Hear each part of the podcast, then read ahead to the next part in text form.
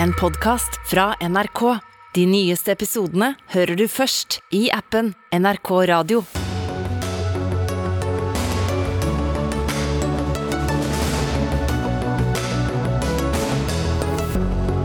Så får vi statsbudsjett neste år også. I ettermiddag ble det nemlig enighet mellom SV, Arbeiderpartiet og Senterpartiet.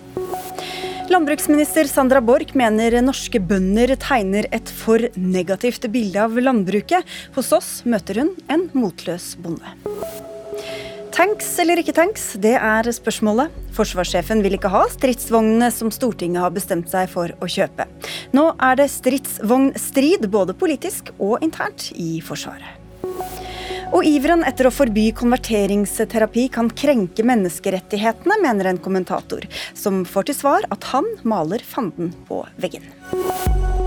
Skogdebatt blir det også her i Dagsnytt 18 med Sigrid Solund, men først skal vi til Stortinget, der det nå er en pressekonferanse om statsbudsjettet det nå er enige om med alle de tre partilederne. For de som tjener mye, og senket den for de med lave og vanlige inntekter.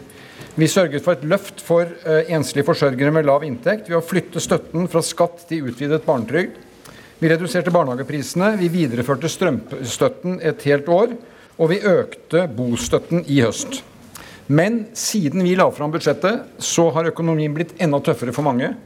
Det kan vi lese om i mediene. Jeg har møtt det på reiser i Norge, her i Oslo. Møte med særlig mennesker med barn i en vanskelig inntektssituasjon, som opplever at de økte prisene og kostnadene virkelig blir alvorlige og dramatiske. Så i møte med dette så må vi som fellesskap gjøre mer, og det gjør vi nå. I avtalen med SV, og det kommer vi sikkert inn på de andre mine kolleger, har vi brukt muligheten til å justere budsjettet i tråd med den utviklingen vi har sett de siste månedene.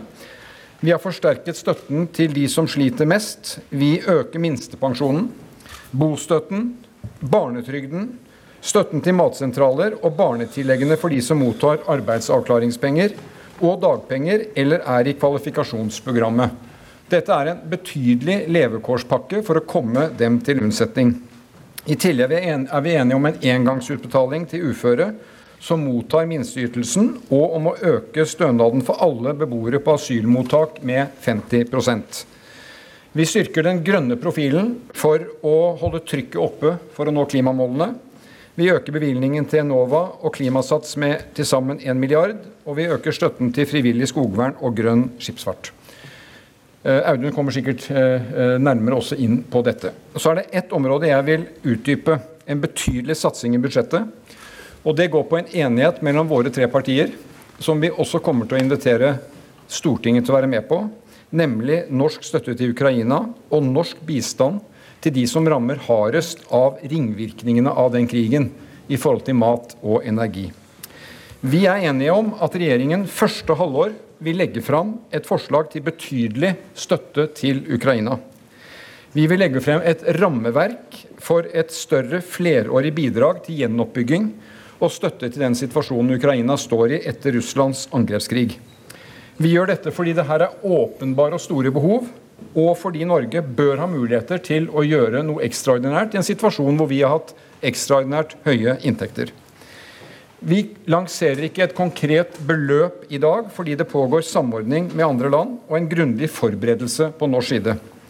Norge har ledet an i støtten uh, som vi har gitt i uh, andre halvår i år og neste år, og vi vil bygge videre på dette. Samtidig så får krigen i Ukraina globale konsekvenser som følge av krigen og de svært høye mat- og energiprisene, som særlig rammer folk og land som i utgangspunktet sliter med fattigdom.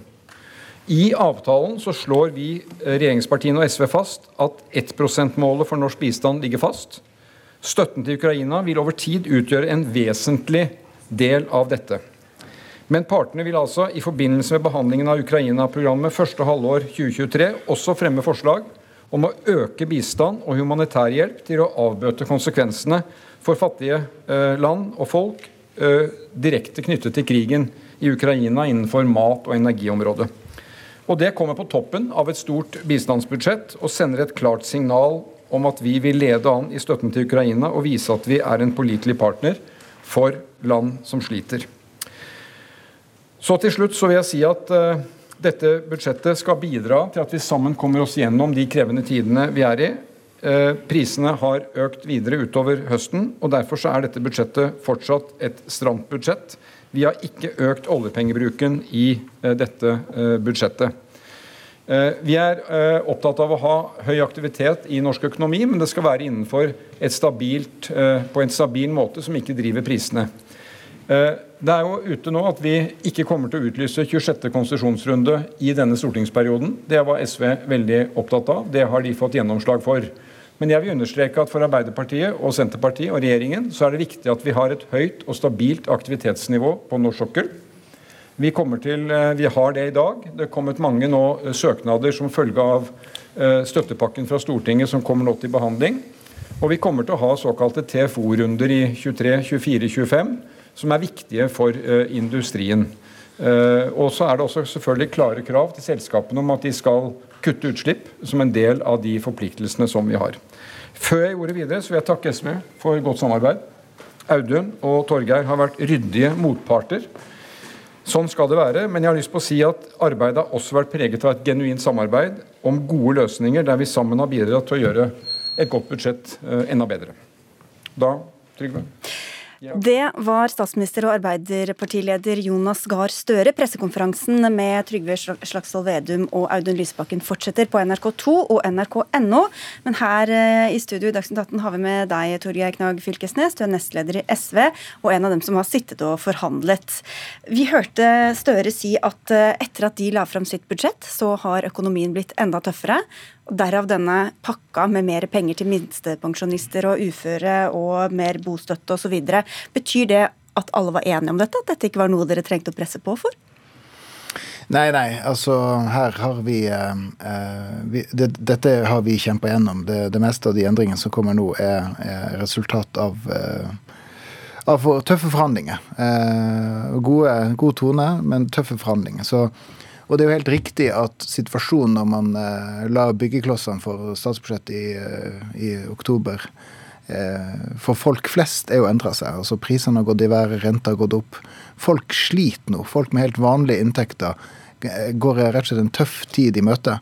Og det tror jeg det er en, det er en virkelighet som vi tok inn over oss i vårt alternative budsjett, og la opp til en ganske omfattende omfordeling i samfunnet, der vi nettopp styrka de som er mest utsatt i samfunnet, men også gjorde det med generelle omfordelinger av samfunnet. Og det er jo det dette, denne enigheten i dag bærer på mange måter preg av. Men hvis dette var en eh, omforent virkelighetsoppfatning, hvorfor var det da så vanskelig å få dette gjennom hos de to andre? Det er ikke noe hokus pokus. det jeg tror nok når man, er, når man er enig, så er man enig. Og da stiller man seg bak enigheten. Men man må lese budsjettet som et resultat av eh, en uenighet, eh, der vi kom inn med en annen oppfatning enn en regjeringspartiet. Men nå er vi enige. Men alt dette gjelder for neste år. Det er ikke noe håp om noe ekstra penger til noen folk før jul, eh, av dem som virkelig sliter? Nei, altså Jeg skal ikke foregripe begivenheter, men det fins noen muligheter akkurat nå før jul. Eh, men eh, dette gjelder for neste år, for 2023. Eh, det handler om å løfte barnefamilier, enslige forsørgere, uføre ganske kraftig. Minstepensjonister får seg løft gjennom dette. Studenter. Grupper som, breie grupper som i dag merker det virkelig på kroppen, den utviklinga som er i samfunnet. Støre nevnte også 26. konsesjonsrunde, som dere igjen har fått utsatt. Men eh, det meste av tildelinger skjer jo i allerede definerte modne områder gjennom disse TFO-rundene. Hva har dere fått gjennomslag for der, om noe?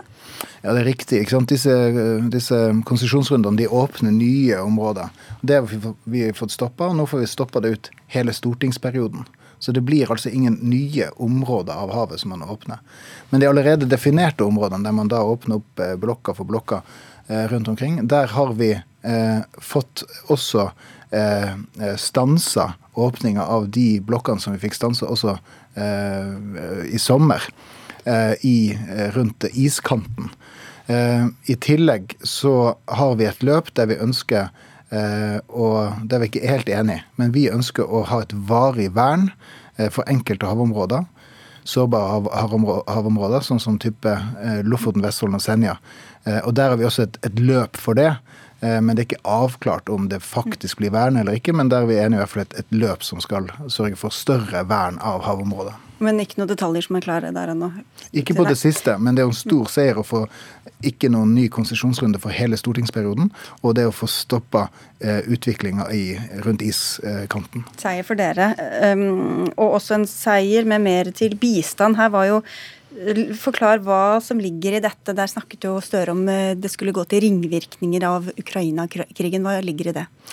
Ja, eh, der har vi jo hatt en, en, en større uenighet med regjeringa. Vi mener Norge bør bidra mye mer internasjonalt. Ikke bare i Ukraina, men også i en kriseramma globalt sør. Eh, der situasjonen er jo helt kritisk på både matvaremangel, klimakrise som fører til jorderesjon og mat osv. Eh, der har vi funnet en løsning, for det er klart at Norge skal bidra til gjenoppbygginga av Ukraina men vi kan ikke bare gjøre det. Så vi ønsker å nå dette såkalte eh, 1 %-målet. At vi skal bruke 1% av den norske økonomien til engasjement internasjonalt. Eh, og Ukraina-krisen den skaper jo ringvirkninger i hele verden. Og med utgangspunkt i det så skal vi nå 1 %-målet. Eh, det har vi en forpliktelse å, å, å, I løpet av I løpet av året, altså neste år som er jo en veldig viktig sak for oss i SV, at vi skal bidra mer eh, enn det vi har gjort. Eh, og Da skal vi nå det eh, målet, og, og, og, det skal både handle om Ukraina, men også om det globale sør. Tida går veldig fort. Hvor henter dere penger fra? Eh, noe er for, eh, med utgiftsreduksjoner på statsbudsjettet. Eh, I tillegg hadde vi eh, Ja, det er ulike typer eh, poster. Men det kanskje største jafset, det som bidrar mest, det er økt utbytte på Statkraft. Så det, det er der den store inndekninga går. Vi ønsker jo å øke skatten for de aller rikeste, og det kunne bidra til både omfordeling, men også at vi kunne løfte velferd. Vi fikk jo noen viktige velferdssatsinger. Vi får jo andreklassen på SFO. Den kommer også og blir gratis. I tillegg får vi en styrking av tannhelsen. Uh, ja, det er det, det, er mange detaljer her, og mange som sikkert har kritiske bemerkninger, de kommer nok eh, til etter hvert. Vi skal få inn uh, vår kommentator Lars Nehru Sand litt seinere i sendinga. Men helt til slutt, Torgeir Knagge Fylkesnes, du har også antydet at du ikke vil stille til valg som ny partileder. Har du bestemt deg? Nei, det bare glapp ut av meg i en uh, intervjusituasjon. Uh, og da sa jeg at det er, det er nok uh, lite sannsynlig at jeg gjør det. så jeg svarte egentlig bare helt ærlig at det, det, det, å være partileder for et mellomstort parti, det er en enorm oppgave. Det er en, det er en stor beslutning for et menneske, og jeg, jeg, tror det er lite sannsynlig at det jeg kommer til å stille. Nei. Du får gå hjem og sove. Takk skal du ha, Torgeir Knagge Fylkesnes.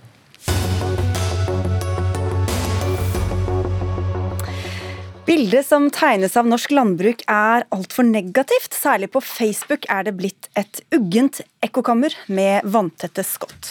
Budskapet kommer fra landbruks- og matminister Sandra Borch i en spalte hos nettstedet Alltinget. De gode historiene drukner, skriver hun, og fikk svar fra deg, Guro Hansen. Du er bonde og rådgiver i landbruket, og driver en gård sammen med samboeren din i Lund kommune i Rogaland. Hvorfor ville du svare landbruksministeren? Jeg eh, følte det var veldig viktig å svare, for jeg kjente det i magen når jeg leste denne saken. Um, jeg føler hun avfeier våre historier som et ekkokammer, at vi blir påvirka av de andre. Og med det så bagatelliserer hun våre problemer oppi dette. Jeg syns landbruksministeren burde ta seg tid til å høre på historiene som faktisk er i landbruket nå. Folk sliter med likviditeten, og de sliter med motet. Og dette motet skal det ikke mye til for å ta vekk. Sandra Borch, landbruks- og matminister, hvorfor skrev du dette innlegget om at det er for mye negativitet også fra norske bønder? Du Først av alt så vil jeg takke Guro for et eh, veldig godt eh, innlegg og et veldig godt svar eh, på min utfordring. Eh, det jeg har etterlyst i debatten, eh, særlig på sosiale medier, er jo at vi får fram de nyansene som også er viktige i norsk landbrukspolitikk. Eh, det vi ser nå, og det jeg møter når jeg er ute og møter både bønder og folk i næringa, er jo at mange sier til meg at de kvier seg for å delta i debatten på Facebook fordi at debattklimaet er eh, såpass tøft. Eh, det gjelder ikke bare i jordbruksdebatten eller debatten om landbrukspolitikk, men særlig der ser vi at det har vært ei veldig polarisering og tøffe stemmer som har gjort at eh, vi har fått et litt usynt debattklima. Hva er det du finner da i dette som du beskriver som et ekkokammer?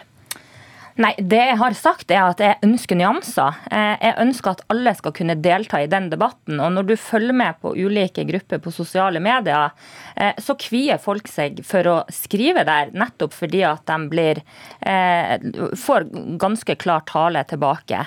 Og når jeg er ute og møter både bønder, men også folk i næringslivet, så sier de jo akkurat det. At vi kvier oss for å delta i den debatten. Hva sier du til det, Guro Hansen? Jeg kan kanskje være enig i det, men samtidig så tenker jeg at det er viktig å tenke på hva vi eh, setter som en solskinnshistorie. Den som var i innlegget til Sandra, handla om to unge bønder som hadde satsa 9,6 millioner, og begge to var i full jobb utenom. For meg så er ikke det en solskinnshistorie. Det er to folk som brenner lyset i begge ender. Og Grunnen til at jeg kjenner meg igjen, er for jeg er der sjøl. Jeg var den solskinnshistorien for ti år siden.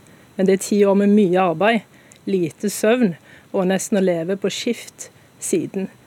Det er litt begrensa hvor lenge det føles bonderomantisk ja. å jobbe mye. Og Hva signaliserer du egentlig da ved å be om solskinnshistorier i stedet for å lytte til de også negative opplevelsene som er der ute, da?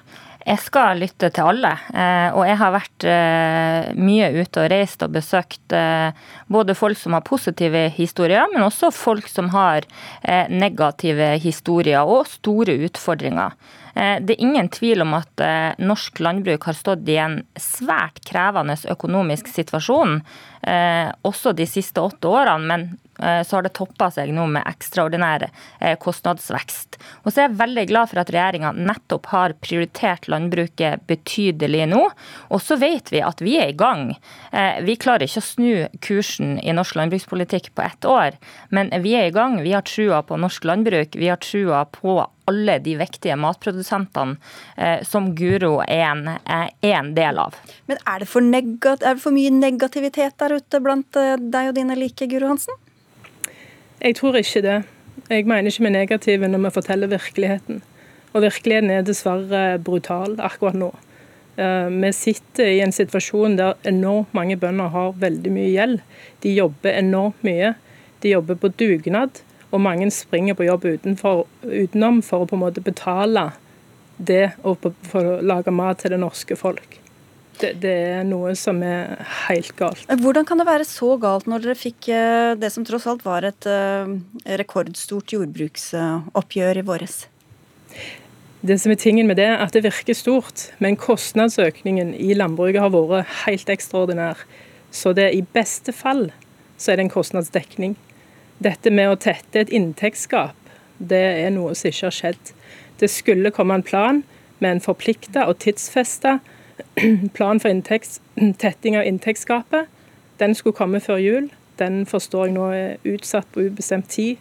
Og det er òg sånne ting som akkurat ikke gjør deg nytt mot, for å si det. Hvor, hvor musikalsk er det da å be om solskinnshistoriene, Sandra Borch?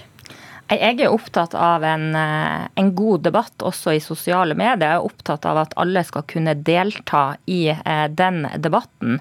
Og så har jeg full forståelse eh, for at norsk landbruk står i en svært krevende økonomisk situasjon. Men jeg tror ikke det gagner norsk landbruk å, å bare delta i debatten med de mest negative stemmene. Vi er også nødt til å løfte opp Eh, norsk landbruk framsnakker matproduksjon for å få flere eh, til å tørre å satse. Og det er min viktigste jobb nå som landbruks- og matminister, er å snu kursen i norsk landbrukspolitikk. Det mener vi er i gang med. Og så skal, som Guro også nevner her, nå er jo utvalget som Grytten har satt ned for å, eller jobba med for å tette inntektsgapet, er jo satt ned, og høringsfristen er januar. Det kommer til å bli et viktig arbeid nettopp for å kunne tette inntektsgapet mellom bønder og andre gruppe. Hvorfor skal noen ønske å bli bonde i det hele tatt, Guro Hansen, når man hører eh, hvordan det er, sånn som du beskriver det? Eh, som jeg skrev i innlegget mitt, så er det ikke bare negativt å være bonde. Det er jo en grunn til at vi kjemper for dette. Hvis vi ikke ville være bonde, så hadde vi bare gitt opp å kjempe. Da hadde vi blitt en av de stille stemmene som bare forsvant i landbruket, sånn som mange dessverre gjør. Faktisk nå én per dag som slutter. Um, vi får se kalver bli født, lam som springer, ungene våre får en kontakt med naturen og dyr som jeg unner absolutt alle barn å ha. Så det er en grunn til at vi tar denne kampen, selv om det er hardt. Men vi tar den jo for alle de som faktisk nå velger å være helt stille og bare slutte. Jeg tror vi skal la det være siste ord her. Så skal vi si tusen takk til deg, Guro Hansen. Sandra Borch, du blir sittende.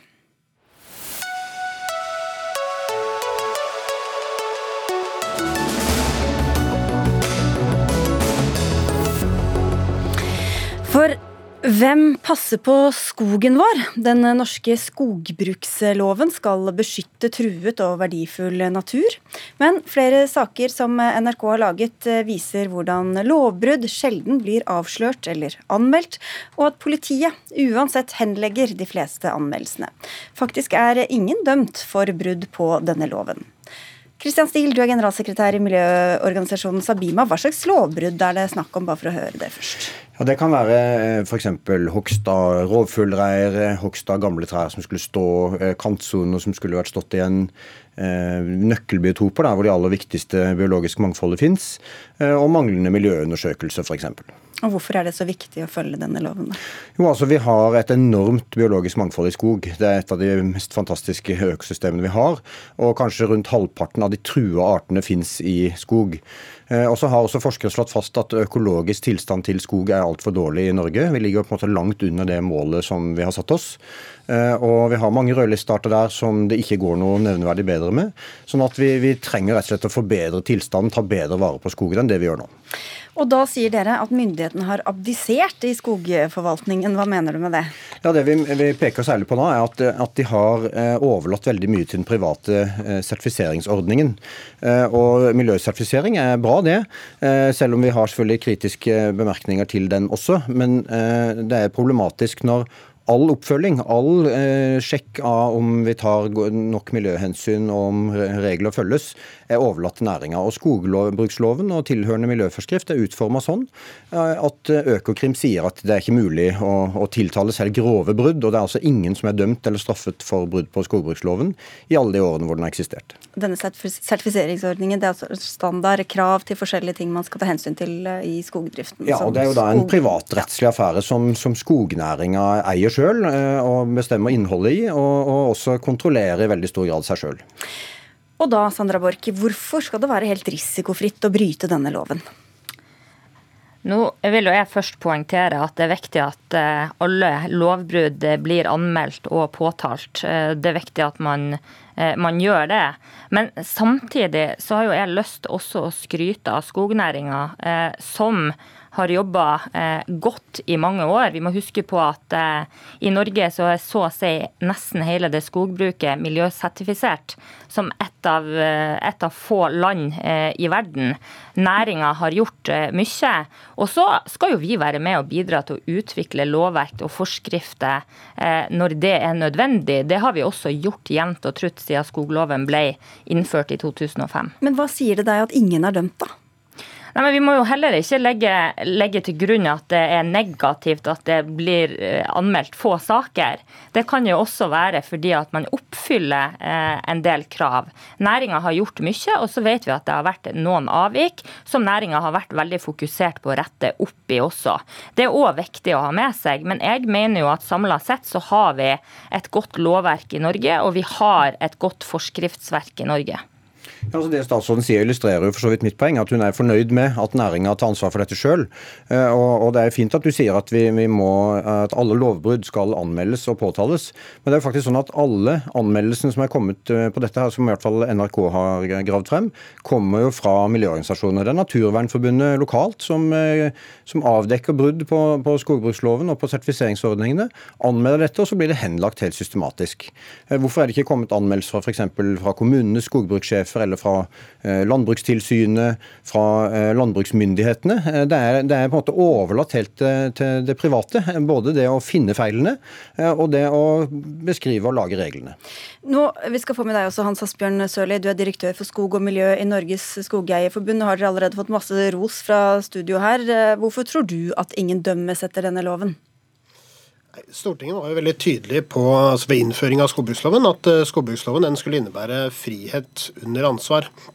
Og Det er jo et ansvar som jeg mener skogbruket selv har tatt, i samarbeid med veldig mange interesseorganisasjoner, gjennom miljøsertifisering av skog. Og Det betyr Det betyr at vi har minimert antall avvik som eh, eventuelt kan være aktuelt å straffeforfølge. Ja, så det er rett og slett ingen lovbrudd som skjer, da? Nei, det, det sier jeg ikke. Vi er ikke i mål. Det skjer eh, Vi har 14 000 skogsdrifter i Norge, og det skjer opplagt eh, lovbrudd fremdeles, selv om vi jobber systematisk. Og vi er av den meningen at alvorlig lovbrudd det skal også straffeforfølges. Men, det mener vi. Og, og da er igjen spørsmålet hvorfor skjer det ikke? Nei, altså det spør vi oss litt òg, da. Vi kan ikke påta oss ansvaret til påtalemyndigheter og kommuner. Men, men, etter det vi ser, da, så henlegges flertallet av disse sakene på bevisets stilling. Og det er jo veldig merkelig hvis man tenker at man ikke har hjemmel, for da burde, burde de vært henlagt på bakgrunn av at det ikke er et straffbart forhold. Ja, for det er vel flere, unnskyld, flere politifolk Christian Stil, også, som er intervjuet i disse sakene, som sier at det er jo det er ikke der ressursene og det er ikke der prioriteringene ligger? Nei, men de sier at de har forfulgt eh, noen sånne skogsaker og forsøkt å etterforske ønske, men så, så butter man i at lovverket ikke er tilstrekkelig til å straffe. Og Det er fordi at når lovverket da, ifølge Økokrim, dette er det jo på en måte både de og andre juseksperter som sier, det er, jo, det er jo der eh, kunnskapen om dette ligger. Hva vi måtte mene og ønske oss her i studio, er jo ikke så relevant som hva de som faktisk er operative da, på, på straffeforfølgelse sier. Og De sier at lovverket er laget sånn at det vil ikke bli pådømt i retten. De sier til og med også at de er i tvil om, om skogbrukslovens eh, bestemmelser om straff er i tråd med Grunnloven. Fordi eh, den peker på en privatrettslig ordning. Og det er jo, Som Sørli sier, så har, så har, vi også vært med på å gi innspill til og delta i, i, i mange diskusjonsmøter og forhandlingsmøter om skogsertifiseringsstandarden.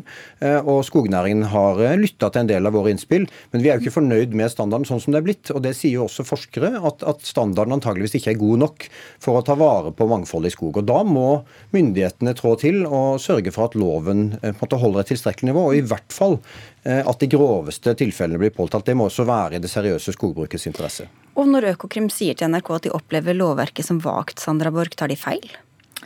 La meg først bare presisere nok en gang at eh, vi skal selvfølgelig følge med på lovverk og forskrift. Ja. Eh, og saker skal selvfølgelig bli anmeldt og påtalt.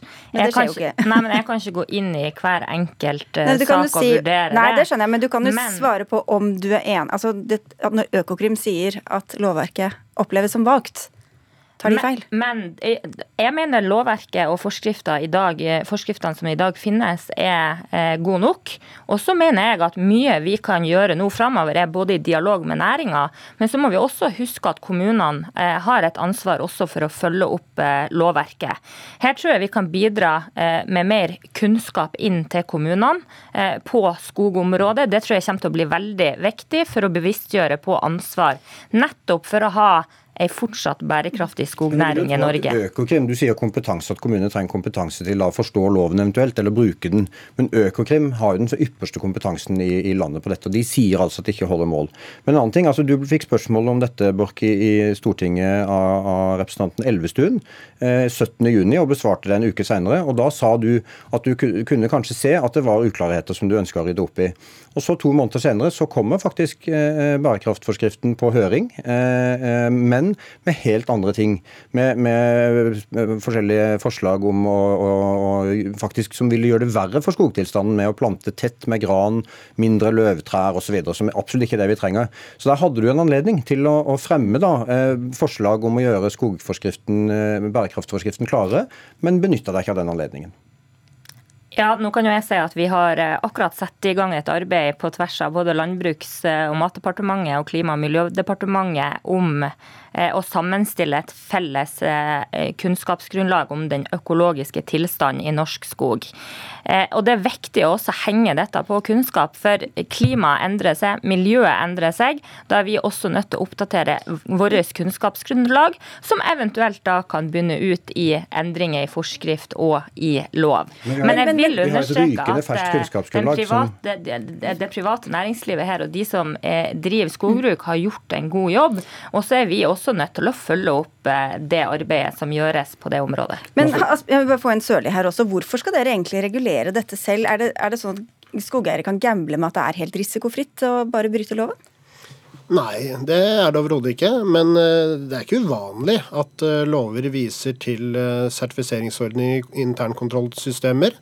Det er ikke uvanlig, og vi syns jo på en måte at man har løst det på en god måte. Hvis man løfter blikket litt, så ser vi jo det at vi faktisk både har fått mer tømmer i norske skoger, og vi har fått en positiv utvikling i så å si alle viktige livsmiljøer for truede og sjeldne arter. Så, så det har jo fungert godt. Eh, som sådan, selv om vi kanskje ikke har fått straffeforfulgt i alle de tilfellene som burde ha vært det. Eller ingen, da. Og Det er kanskje ikke så veldig rart at næringa sjøl er ganske fornøyd med at de har en lov som, eh, som, ikke forfølger de, og som gjør at de kan måte, ha kontroll med det hele sjøl. Men, men, men, hvis, hvis pilene peker oppover sånn som vi nei, hører her, da, da fungerer det veldig greit? Også, når, når, statsråden etterlyser kunnskapsgrunnlag, så fikk vi eh, for bare halvannet år siden en stor rapport fra et regjeringsoppnevnt ekspertutvalg som sa at økologisk tilstand i skog er altfor dårlig. Det går på død ved, det går på lauvtrær, det går på biologisk gammel skog. Til og med blåbær var under det som som vi forventer vil være en, en akseptabel økologisk tilstand. Tømmer er riktig, det har gått oppover, men, men veldig mye av mangfoldet i skogen står det altfor dårlig til med. Men Sandra Borg, er det, er det, grunn til å tro at dette er liksom den eneste sektoren hvor ikke det skjer eh, lovbrudd eh, i hele landet? Nei, altså det, det, er jo et grunn til at vi har et lovverk og, og forskrifter. Og så er jo jeg uenig i at tilstanden i norsk skog har blitt dårligere. Jo, men til dette med at når, når, ingen, når ingen, blir dømt for å bryte loven, det, det var, er det noen andre sektorer hvor man kan se for seg at det er en helt sånn eh, gitt naturtilstand? Ja, men Det er derfor jeg mener det er viktig å utvikle eh, både forskrifter og lovverket. Og ikke minst eh, der man ser at det er utfordringer eller eh, kriminalitet, så skal du selvfølgelig anmelde det, og det skal bli påtalt. Men jeg vil jo òg si at det er jo gjort mye på forskriftssida her, nettopp for å bidra til bedre skogplanlegging. Det skjer mye på teknologisida, som både myndighetene støtter opp under med budsjettmidler, som næringa også støtter opp under. Jeg tror det er mye her som kan gjøres også eh, med teknologiutvikling for å bedre og ikke minst ha en bedre oversikt over tilstanden i norsk skog. Ok, Det var så langt vi kom. Takk skal dere ha alle tre. Sandra Borch, landbruks- og matminister, Christian Steele, som er generalsekretær i Sabima, og Hans Asbjørn eh, Sørli, eh, direktør for skog og miljø i Norges Skogeierforbund.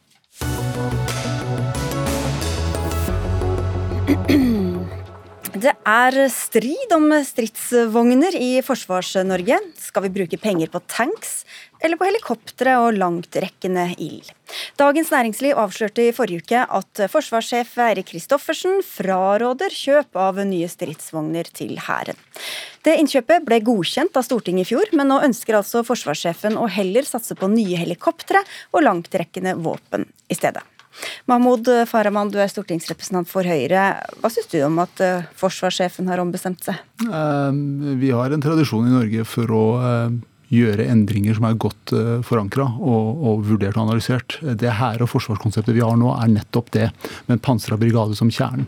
det snakkes mye om et annet konsept, og et annet veivalg, men det er ikke utreda og vurdert godt nok eller forankra. Og det er der kanskje litt av utfordringa oppstår. samtidig så vil denne, disse endringene påvirke Eh, soldatene på bakken, våre allierte. Og når jeg sier våre allierte, så er det også visse forventninger hos de om at vi har en pansra brigade. Ja, altså Da snakker du om Nato først og fremst. Um, ifølge DN er rådet fra forsvarssjefen gitt som person, ikke fra Forsvaret som organisasjon, bare for å presisere det. Forsvarssjefen takket nei til å være med hos oss i dag. Kristian Tubring-Gjedde, du sitter uh, på Stortinget for Fremskrittspartiet, og du er vel glad for disse signalene, eller hvorfor det? Ja, jeg syns det er klokt. Eh, og det er veldig bra at de kommer nå, før kontrakten er skrevet. For det, det kan jo bli den verste investeringen vi har gjort, hvis du bruker 20 milliarder og så angrer du om noen år. Eh, men det som denne diskusjonen går nå, det er jo hva, hvilken rolle skal Norge spille i et Nato-perspektiv. Og når Finland og Sverige blir medlem av Nato, eh, da vil Norden få en større rolle. Nå er ikke lenger Norge Nato i nord alene, kanskje ikke i det hele tatt. Eh, og Da må vi se på samarbeid med andre. Det kommer til å bli mer spesialisering innenfor Nato. Dvs. Si at alle landene kan ikke ha den samme kompetansen. Alle kan ikke ha stridsvogner. Alle kan ikke nødvendigvis ha kampfly heller. Det vil bli et samarbeid. Og da mener jeg at eh, stridsvogner er mindre naturlig enn f.eks. å se på den lange kysten vår, som er lengst i verden, hvis du tar med alle fjorder. Eh, og ikke minst også skjer i, i luftdomenet, tror jeg er viktig at vi satser på. Vi må bare få litt uh, mer fakta her. Geir Hågen Karlsen, du er oberstløytnant ved Forsvarets høgskole. Hvordan er den norske hæren bygd opp i dag? Den er bygd opp uh, med kjernen i en pansret brigade. Det er det samme som alle andre i Nato har. Det er det samme som Nato forventer at Norge skal ha. Eh, det vi mangler akkurat nå, er stridsvognene. De vi har er 40 år gamle, så de, de må byttes ut. Stridsvogner er den tyngste delen av norske hæren. Og det å drive en hær uten stridsvogner, det blir som å stille i fotball-VM uten spisser på laget. Det blir ikke veldig mange skåringer. Ja, hva skjer Så med ser vi, jo, altså, vi ser jo nå svenskene, finnene, danskene investerer i stridsvogner. Alle nabolandene våre. Polakkene investerer stort i stridsvogner. De områdene i Ukraina som ukrainerne har tatt tilbake, det har de brukt panserbrigader til å ta tilbake.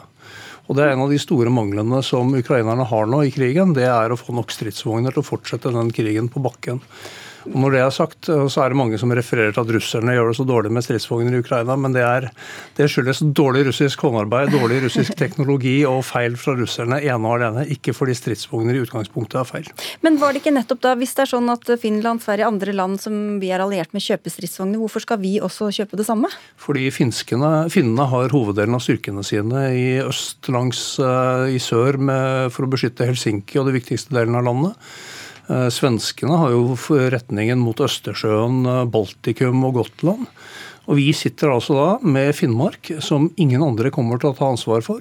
Og det er også et viktig poeng med å ha en hær som faktisk kan beskytte befolkningen i nord. Eh, Vi må være til stede på bakken og beskytte folk i Finnmark. Og kan altså ikke sette oss et helt annet sted i land og la liksom, noen invadere fylket og så begynne å skyte med missiler. Vi har sett hvordan det har gått i Ukraina. Det er det ingen som vil oppleve. Tybring-Gjedde. Nei, altså, jeg mener jo at eh, vi må se hvilken krig vi skal krige. Eh, Vi kommer ikke til å føre en krig som ukrainerne fører nå. Eh, Vi kommer ikke til å ha en krig hvor vi skal etablere og ta territorium. Vi kommer til å forsvare vårt eget land. Vi skal ikke gå til angrep noe som helst slags sted. Og dessuten, vi spiller på lag med finnene her. Det er ikke sånn at finnene skal være, passe på sitt, og skal de gjøre ditt. Vi er et lag som sammen skal eventuelt bekjempe Russland, hvis vi antar at det skulle være en eventuell fiende i fremtiden. Og, og, og, ikke tro at vi alene skal gjøre det. Finnene skal passe på sitt. og vi skal, Det er ikke sånn det fungerer, eh, Geir. Og det tror jeg du vet. At det ikke kommer til å være at hvert enkelt land kommer til å gjøre sitt. Vi kommer til å gjøre det som Nato. Og Nato vil jo legge planleggingen sine i Brunnsund, i Brussel eller i, eh, i Belgia. Der vil de få oppgaver, og det vil vi implementere når, når Nato har, eh, har Du var inne på det viktige i innledningen, Tybring-Gjedde. Eh, Vi skal ikke ta tilbake land, vi skal beskytte det vi har. og Det er derfor vi trenger en hær også i Finnmark for å beskytte den norske befolkninga. det er. Det er uenighet politisk som hører, men også internt blant forsvarsfolk. Sverre Disen, du er tidligere forsvarssjef. Hva mener du, hva slags utstyr skal vi satse på da, når man skal prioritere for å forsvare oss best Her snakker vi om to litt forskjellige ting. Vi snakker for det første om hvorvidt stridsvogner og den type hær som det representerer, er egnet for det vi skal bruke dem til i vårt land, nærmere bestemt i Finnmark. Og, og det gjør at sammenligninger med Polen og Finland og Sverige, på tross av at det er nære naboland, ikke nødvendigvis er relevante. Det har med kontekst å gjøre, og den er svært forskjellig. Nato har heller aldri gjort noen analyse av det norske forsvarsproblemet. slik at når Nato ønsker seg en mekanisert brigade, så er det fordi Nato mener at Norge bør kunne stille en mekanisert brigade til bruk for Natos fellesforsvar. Hva, det hva betyr mekanisert brigade? det er altså en med stridsvogner og pansrede stridskjøretøyer. Så at Nato ønsker seg det, er ikke uttrykk for at Nato har gjort noen analyse av det norske forsvarsproblemet. Eh, Ikke i det hele tatt. Men da må jeg si at eh, den andre, det andre elementet her, som ikke har noe med liksom vårt spesifikke problem å gjøre, det er jo hvorvidt den generelle militære teknologiutvikling gjør at vi også tror at stridsvogner generelt, og den type operasjonskonsept som de representerer, er, eh, for å sitere den britiske hærsjefen, på vei inn i solnedgangen. Og en veldig dyr vei på veien i solnedgangen, Farahman. kan det være, men så finnes det også se andre løsninger på å se på dette med kostnader. Det vi må være klar over, er at altså, vi snakker om uh, Sverre Disen nevner her britene, men britene har til tross for det valgt å satse på et tungt konsept og kjøpe stridsvogner. Riktignok et færre antall, som du var inne på her ute, men, men like fullt. Det samme gjelder amerikanere. Amerikanere bruker vel 200 milliarder dollar tror jeg, på å utrede et lett konsept, men valgte også å forholde seg til tunge. Jeg er ikke, jeg er ikke imot å endre mening og ståsted, men det må være godt utreda. Og innen disse utredningene kommer, så trenger vi fortsatt å ha en hær som klarer å ivareta og forsvare Finn, Finn, Finn, Finn, Finnmark. Men dette er vel kontrakter som skal inngås om ikke så altfor lenge, så hvor mye kan man utrede før man investerer såpass mye penger? Men eh, Disen påstår at Norge er så veldig forskjellig fra Finland, men vi ligger altså inntil Russland begge to, sammen med Polen. Og det viser seg at overalt så er det som stridsvogner representerer, de er godt beskytta. De har stor ildkraft, og de kan komme seg fram hvor som helst i terrenget. Det er etterspurt for å vinne kriger, og det går ikke ut på dato. Det går på samme måte som kampfly og marinefartøy heller ikke går ut på dato. Så kunne vi tatt den der teoretiske utlegningen til Lisen og dratt den inn på det meste av utstyret. Det er to, to mot to her. Vi får slutt. Uh, denne ene brigaden vi har, så må disse stridsvognene, som vel er mobile sånn rent lokalt, de må kunne flytte altså 400-500-600 km. Det er det ingen realisme i, og det, det, vet vi fra Forsvarets forskningsinstitutts egne undersøkelser. Når det gjelder, du var inne på dette med kostnader, og det er interessant. Fordi uh, en stridsvogn koster i dag rundt regnet 100 millioner kroner. De vi kan reise opp til Nammo på Raufoss, hvor de har laget en drone som de har montert to av sine egne lette panservernvåpen på. Det systemet koster kanskje 100 000 kroner kroner i verste fall med det systemet så ødelegger de altså et våpensystem som koster 1000 ganger mer. Og Det er nettopp det som er i ferd med å skje militærteknologisk, som gjør at her må man altså virkelig tenke seg Vi Det er sånn rundebordkonferanse her. Vi får sette over til Kristian Tybring-Gjedde. Lisen har jo helt rett i dette. men ta det, ta, det, ta det, praktiske hvordan man skal gjøre dette fremover. Så det er klart at Da kommer forsvarssjefen med sin til FMR, altså fagmilitære råd, nå på, på våren. Og så kommer Forsvarskommisjonen med det samme, som skal se 5-10-15 år inn i fremtiden. Det er naturlig i hvert fall til å vente til det er på plass, før vi tar en beslutning beslutning nå. Og det er klart, Hvis du tar akkurat den samme nøyaktig samme beslutningen som du tok før Russland gikk inn i Ukraina, eh, og før Finland og Sverige ble medlem av Nato, da har du tydeligvis bomma. For da må du se på dette på en helt annen måte enn du gjorde før. Ikke si at alt er som før. Det er altså ikke som før. Og så må vi huske at Norge skal aldri drive en krig alene. Vi skal aldri, vi skal aldri drive en krig alene ute, og heller ikke hjemme. For Da skal vi ta alliert mottak som skal hjelpe oss med å forsvare landet vårt. Og det skal da, da skal Sverige og Finland bli med på det for å forsvare oss, og vi skal bli med andre steder og forsvare dem. Sånn fungerer Nato. Det, det, det, sies, De som er inne på at eh, Finnmarksvidda ikke er alene, norsk topografi ikke er det. Altså, Norske leoparder opererer i Finnmark i dag eh, i operasjonsmønsteret. Hvis jeg får lov til å fullføre, så har jeg satt pris på det.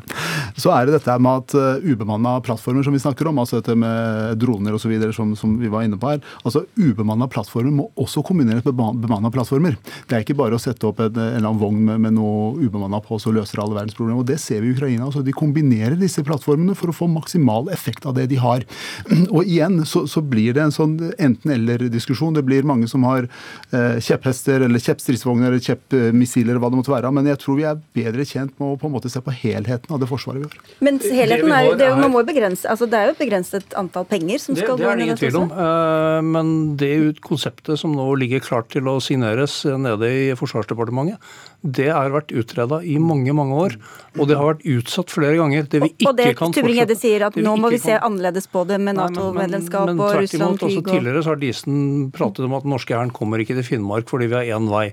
Nå har vi fått seks nye veier gjennom Sverige og Finland for å komme til Finnmark. Så, så det, de, disse, disse, argumentene ja, men altså norske hæren kommer seg til Finnmark, og det har vi øvd eh, mange ganger. Og så er det igjen Det er litt optimistisk å tro at du skal sitte liksom langt unna med noen droner og missiler og, og beskytte befolkninga i Finnmark eller vinne en krig. Det har aldri skjedd. Det konseptet eksisterer ingen sted. Og det er sikkert veldig fancy på PowerPoint, men det virker ikke. Ja, jeg må jo uh, understreke igjen at altså uh, enda har ingen uh, hærledelse eller ledelse av en forsvarsgren eller troppeart eller del av et forsvar de har aldri gått inn for å, å modernisere seg selv. Det er alltid slik at man vil ha man vil fortsette med det man har gjort før, bare noe litt større, litt finere og litt dyrere. Det er det samme som vi har sett i andre forsvarsgrener ved tidligere anledninger. Men det som er poenget her, er altså igjen det vil ikke være mulig med en avdeling av den type som vi snakker om her, med stridsvogner og andre pansrede kjøretøyer, å forflytte seg over de avstandene vi snakker om i Finnmark, tidsnok til å være eh, relevante i forhold til de scenarioene vi med rimelighet kan se for oss her. Uten at det skal bli veldig teknisk, så tror jeg vi må se på dette her i to faser. Altså, Dersom det skal forflytte seg, så er det for en avskrekkingsfasen. Eh, jo, jo, det er dessverre. Det tror jeg også du er klar over. Og så er det en annen del av dette her. Dette er godt utreda av FFI. Det er ikke bare noe hærledelsen eller noen i Hæren sier. Dette er også noe FFI har sett på flere omganger. Forsvarsforskningsinstitutt. Ja, Forsvarets forskningsinstitutt. Det er de som bl.a. jobber selv, da. Det, det, blir litt absurd hvis vi på den ene siden sier at uh, andre i Nato skal gjøre den jobben for oss, og så sier vi i neste runde at dette her ikke lar seg gjøre i det hele tatt. Sånn argumentasjonen på andre siden av bordet her henger liksom ikke helt sammen. Det, det, dette ja, men må for slippe til Tybring-Gjedde også, fordi ja, altså, altså, det er jo ingen av dere, nå, Vi har jo ingen av partiene som sitter i regjering her, da, men du sitter jo i komiteen, Tybring-Gjedde. Hva tror du kan, hvor, hvor, Nei, Hvilken vei blåser det? Jeg tror dette blir utsatt, så får man eventuelt ta den samme beslutningen som man vil, men det blir på vårparten. Men vi må ikke glemme her at Polen sitter med 150 stridsvogner, og, og, og Finland har vel 80 stridsvogner, altså tanks, altså, samme som vi skal se på. Og disse skal forsvare oss.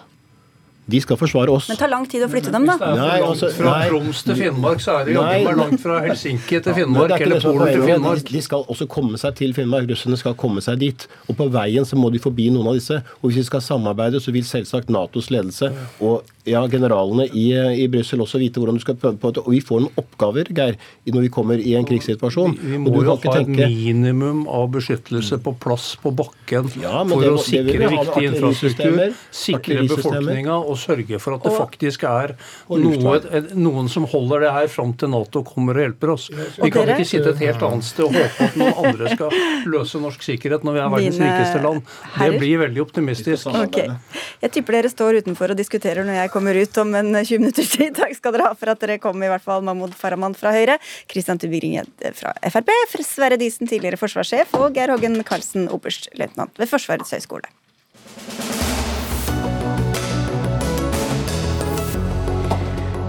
For da skal vi tilbake til Stortinget, der regjeringspartiene og SV for uh, høyrete menn det her, for kort tid siden la fram statsbudsjettet som det nå er enighet om. Politisk kommentator Lars Nehru Sand, du har fulgt pressekonferansen og forsøkt så godt du kan å sette deg inn i budsjettet på disse timene og minuttene. Det er jo mye fokus på SV i dag. Vi hørte Torgeir Knag Fylkesnes her tidligere i sendinga, men hvem vil du si har fått mest, og hvem har gitt mest? SV har helt klart fått gjennomslag på retning på de tingene som var viktige for dem, eh, både når det gjelder bistand, klimakutt eh, neste år og eh, en bedre fordelingspolitikk, men langt nær på den styrken eller den graden som SV har ønska. Barnetrygden f.eks. blir prisjustert til en 400-500 millioner kroners verdi, mens SV hadde inne i sin dyrtidspakke, som de kalte det i sitt alternative budsjett, økning av barnetrygden på 10-11 milliarder kroner f.eks. Eh, men det viktigste for SV, og som jo selvfølgelig ikke har vært noe smertelig for verken eh, Senterpartiet eller Arbeiderpartiet å skrive under på, det er at eh, folk med dårlig råd i landet vårt skal få noe bedre økonomiske kår enn de hadde ved det budsjettforslaget regjeringen la frem i oktober. Men hvis Arbeiderpartiet og Senterpartiet egentlig er så enige om det, hvorfor tok det så lang tid å få det ned på papiret? Nei, Det er et godt spørsmål. Et annet eksempel på det, som eh, SV har fått forhandlet inn igjen, kan vi si, er det kuttet til eh, heldøgns omsorgsplasser, type sykehjemsboliger, som regjeringen foreslo å kutte i 1 milliard i, som nå ligger inne igjen.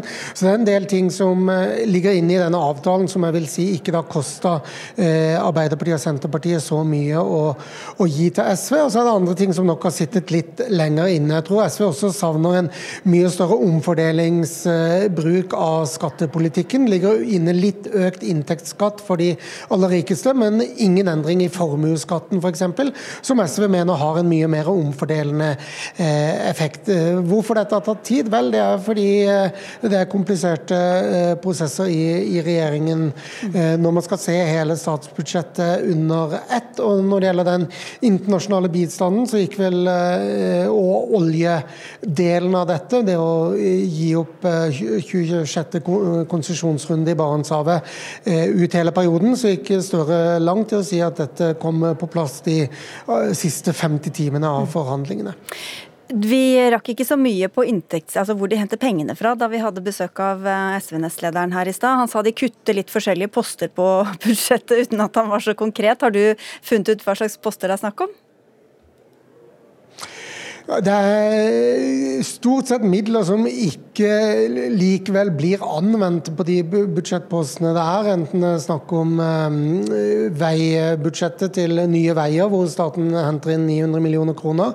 Eh, så er det økt utbytte i Statkraft på 4,2 milliarder kroner, som er den største enkeltendringen her. De sprøyter jo inn da 4-5-6 milliarder kroner i økonomien som ikke lå der i budsjettforslaget opprinnelig, som da ikke har tilstrekkelig prisdrivende effekt, får vi eh, tro da. Men, men det som er verdt å merke seg, er at det ikke hentes inn mer oljepenger for å få denne budsjettenigheten, hvor det da økes utgifter og, og flyttes på penger til en verdi av 6 milliarder kroner.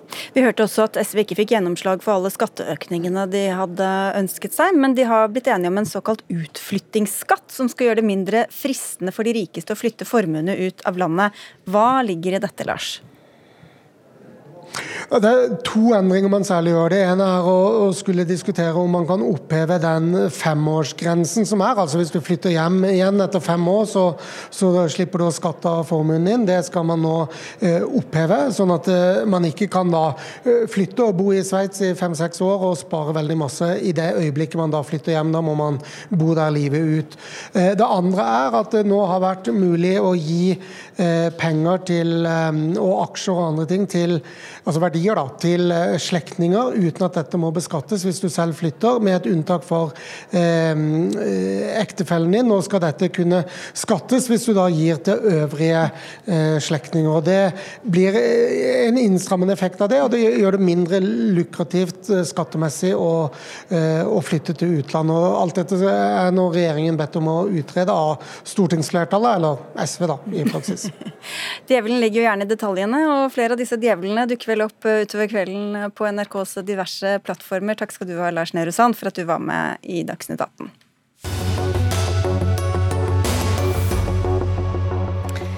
Det er kommet kritiske innspill fra flere hold til regjeringas forslag om å forby konverteringsterapi, ofte kalt homoterapi. Behandlingen tar sikte på å få LHBT pluss-personer til å forandre eller undertrykke sin seksuelle orientering, noe som skjer i enkelte menigheter.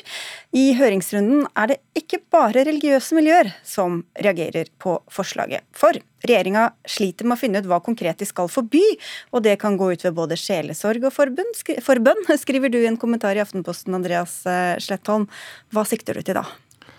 Ja, nei, Det går jo på det at uh konverteringsterapi er et begrep som eh, er eh, litt vanskelig å definere, i hvert fall i den konteksten det blir brukt i Norge. I andre land så er det jo eh, på en måte terapeuter da, som tilbyr dette som en tjeneste, mens i Norge, det lille vi vet om hva som forekommer, så handler det jo nettopp om denne vanskelige gråsonen. Kan noen av kan noen ha systematisk eh, forsøkt å få andre til å fornekte en eh, legning, og er det frivillig og alt det der. Eh, og det er En av innvendingene er jo rett og slett at i, i, i, Norge, etter Grunnloven, så må du ha en det som heter en tilstrekkelig klar gjerningsbeskrivelse. Folk skal vite hva som er lov og hva som, hva som er straffbart. og Det er et, et av problemene dette, med dette forslaget. Og disse innvendingene er ikke bare kommet fra kirkelig hold, men også fra juridisk hold. Eh, Gry Haugsbakken, du er statssekretær i Kultur- og likestillingsdepartementet. Vet dere egentlig hva det er dere skal forby? Ja, det vet vi, og vi vet også hva vi ikke skal forby. Og det tror jeg også egentlig Aftenposten og Slettholm vet, at vi ikke skal straffe foreldre for å være skeptiske til barns kjønnsskifte, som jo er det som er problemet med Aftenposten sin eh, kommentar, er jo at man stiller et spørsmålstegn ved det, og dermed så legger man seg jo også på den linja som vi vet at de som ønsker å polarisere debatten og ikke snakke om det som reelt sett er problemet, nemlig at det er mennesker, også i Norge, som får ødelagt livet sine. Fordi det er noen som mener at den de er, går an å endre på, og de gjør det på en måte som gjør at det påføres mennesker alvorlige skader, og det er jo det som vi skal forby. Ja, det, eh, altså, det er jo ingen, eh, nesten i Norge, som på en måte liker konverteringsterapi, og som, eh, som syns at det er en fornuftig måte å, å håndtere disse tingene man på. Men man må jo likevel sørge for at man holder seg innenfor menneskerettslige forpliktelser og Grunnlovens krav.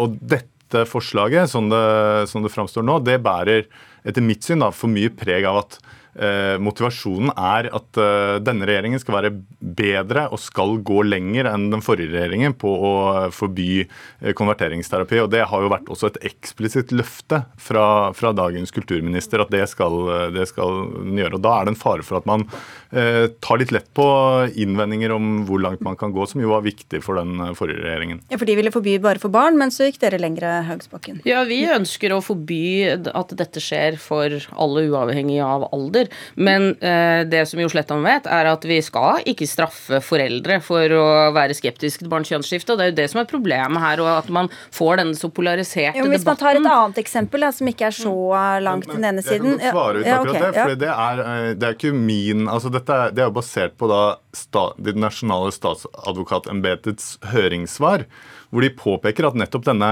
såkalte klargjøringen av at foreldre ikke skal straffes eh, for, å, for, å, eh, være skeptisk til barns eh, kjønnsskifteprosess, den er, eh, den er, langt fra betryggende.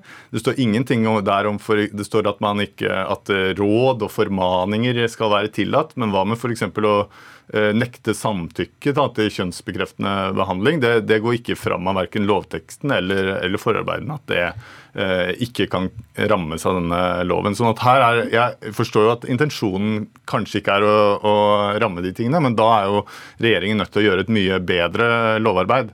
Og Det er vel også en ganske sånn unison tilbakemelding fra de tunge juridiske miljøene som har innvendinger her. Nå skal det jo sies at eh, mange av disse juridiske miljøene, bl.a.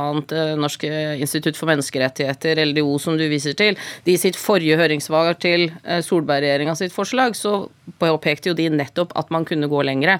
Vi har gått lengre, men Riksadvokaten er ikke bekymra for at foreldre skal straffes for å snakke om barns kjønnsskifte. Nei, det er men, statsadvokatene som er. Ja, men de sier, skriver ikke det som du gjør. De, og det står jo spesifikt også i høringsnotatet at foreldre skal fortsatt kunne snakke med sine barn.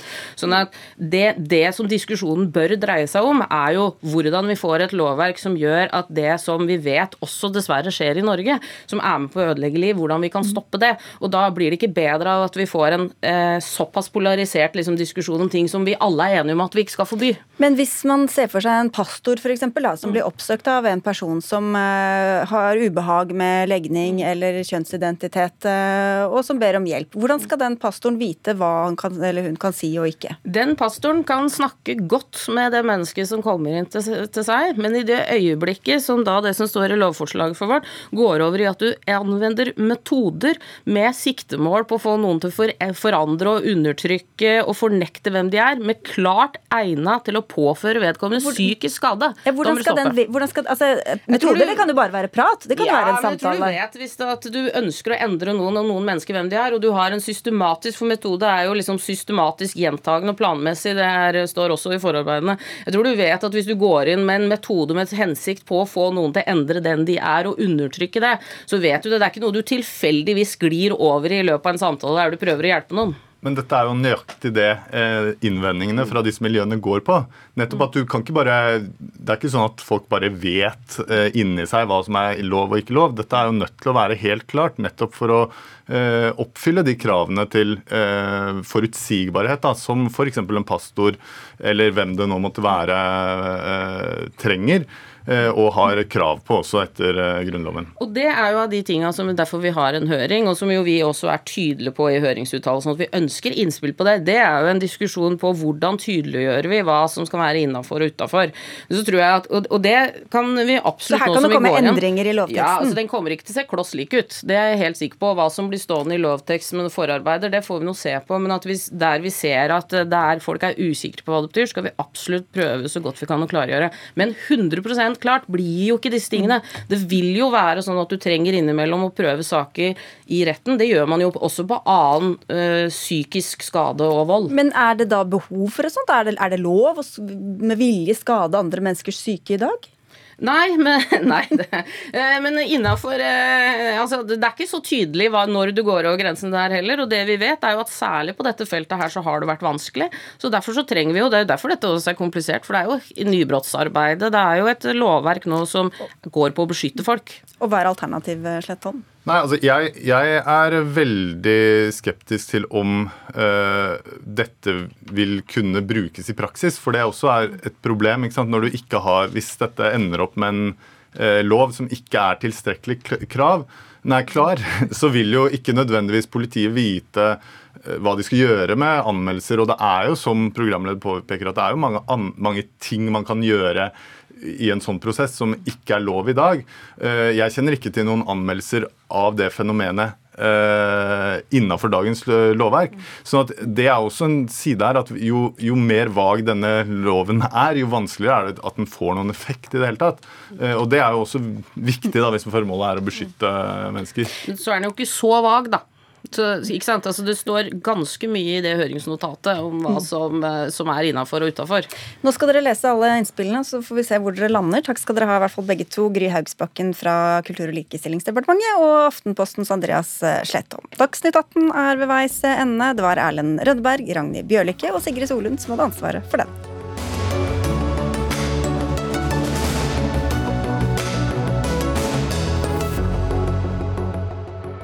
Du har hørt en podkast fra NRK.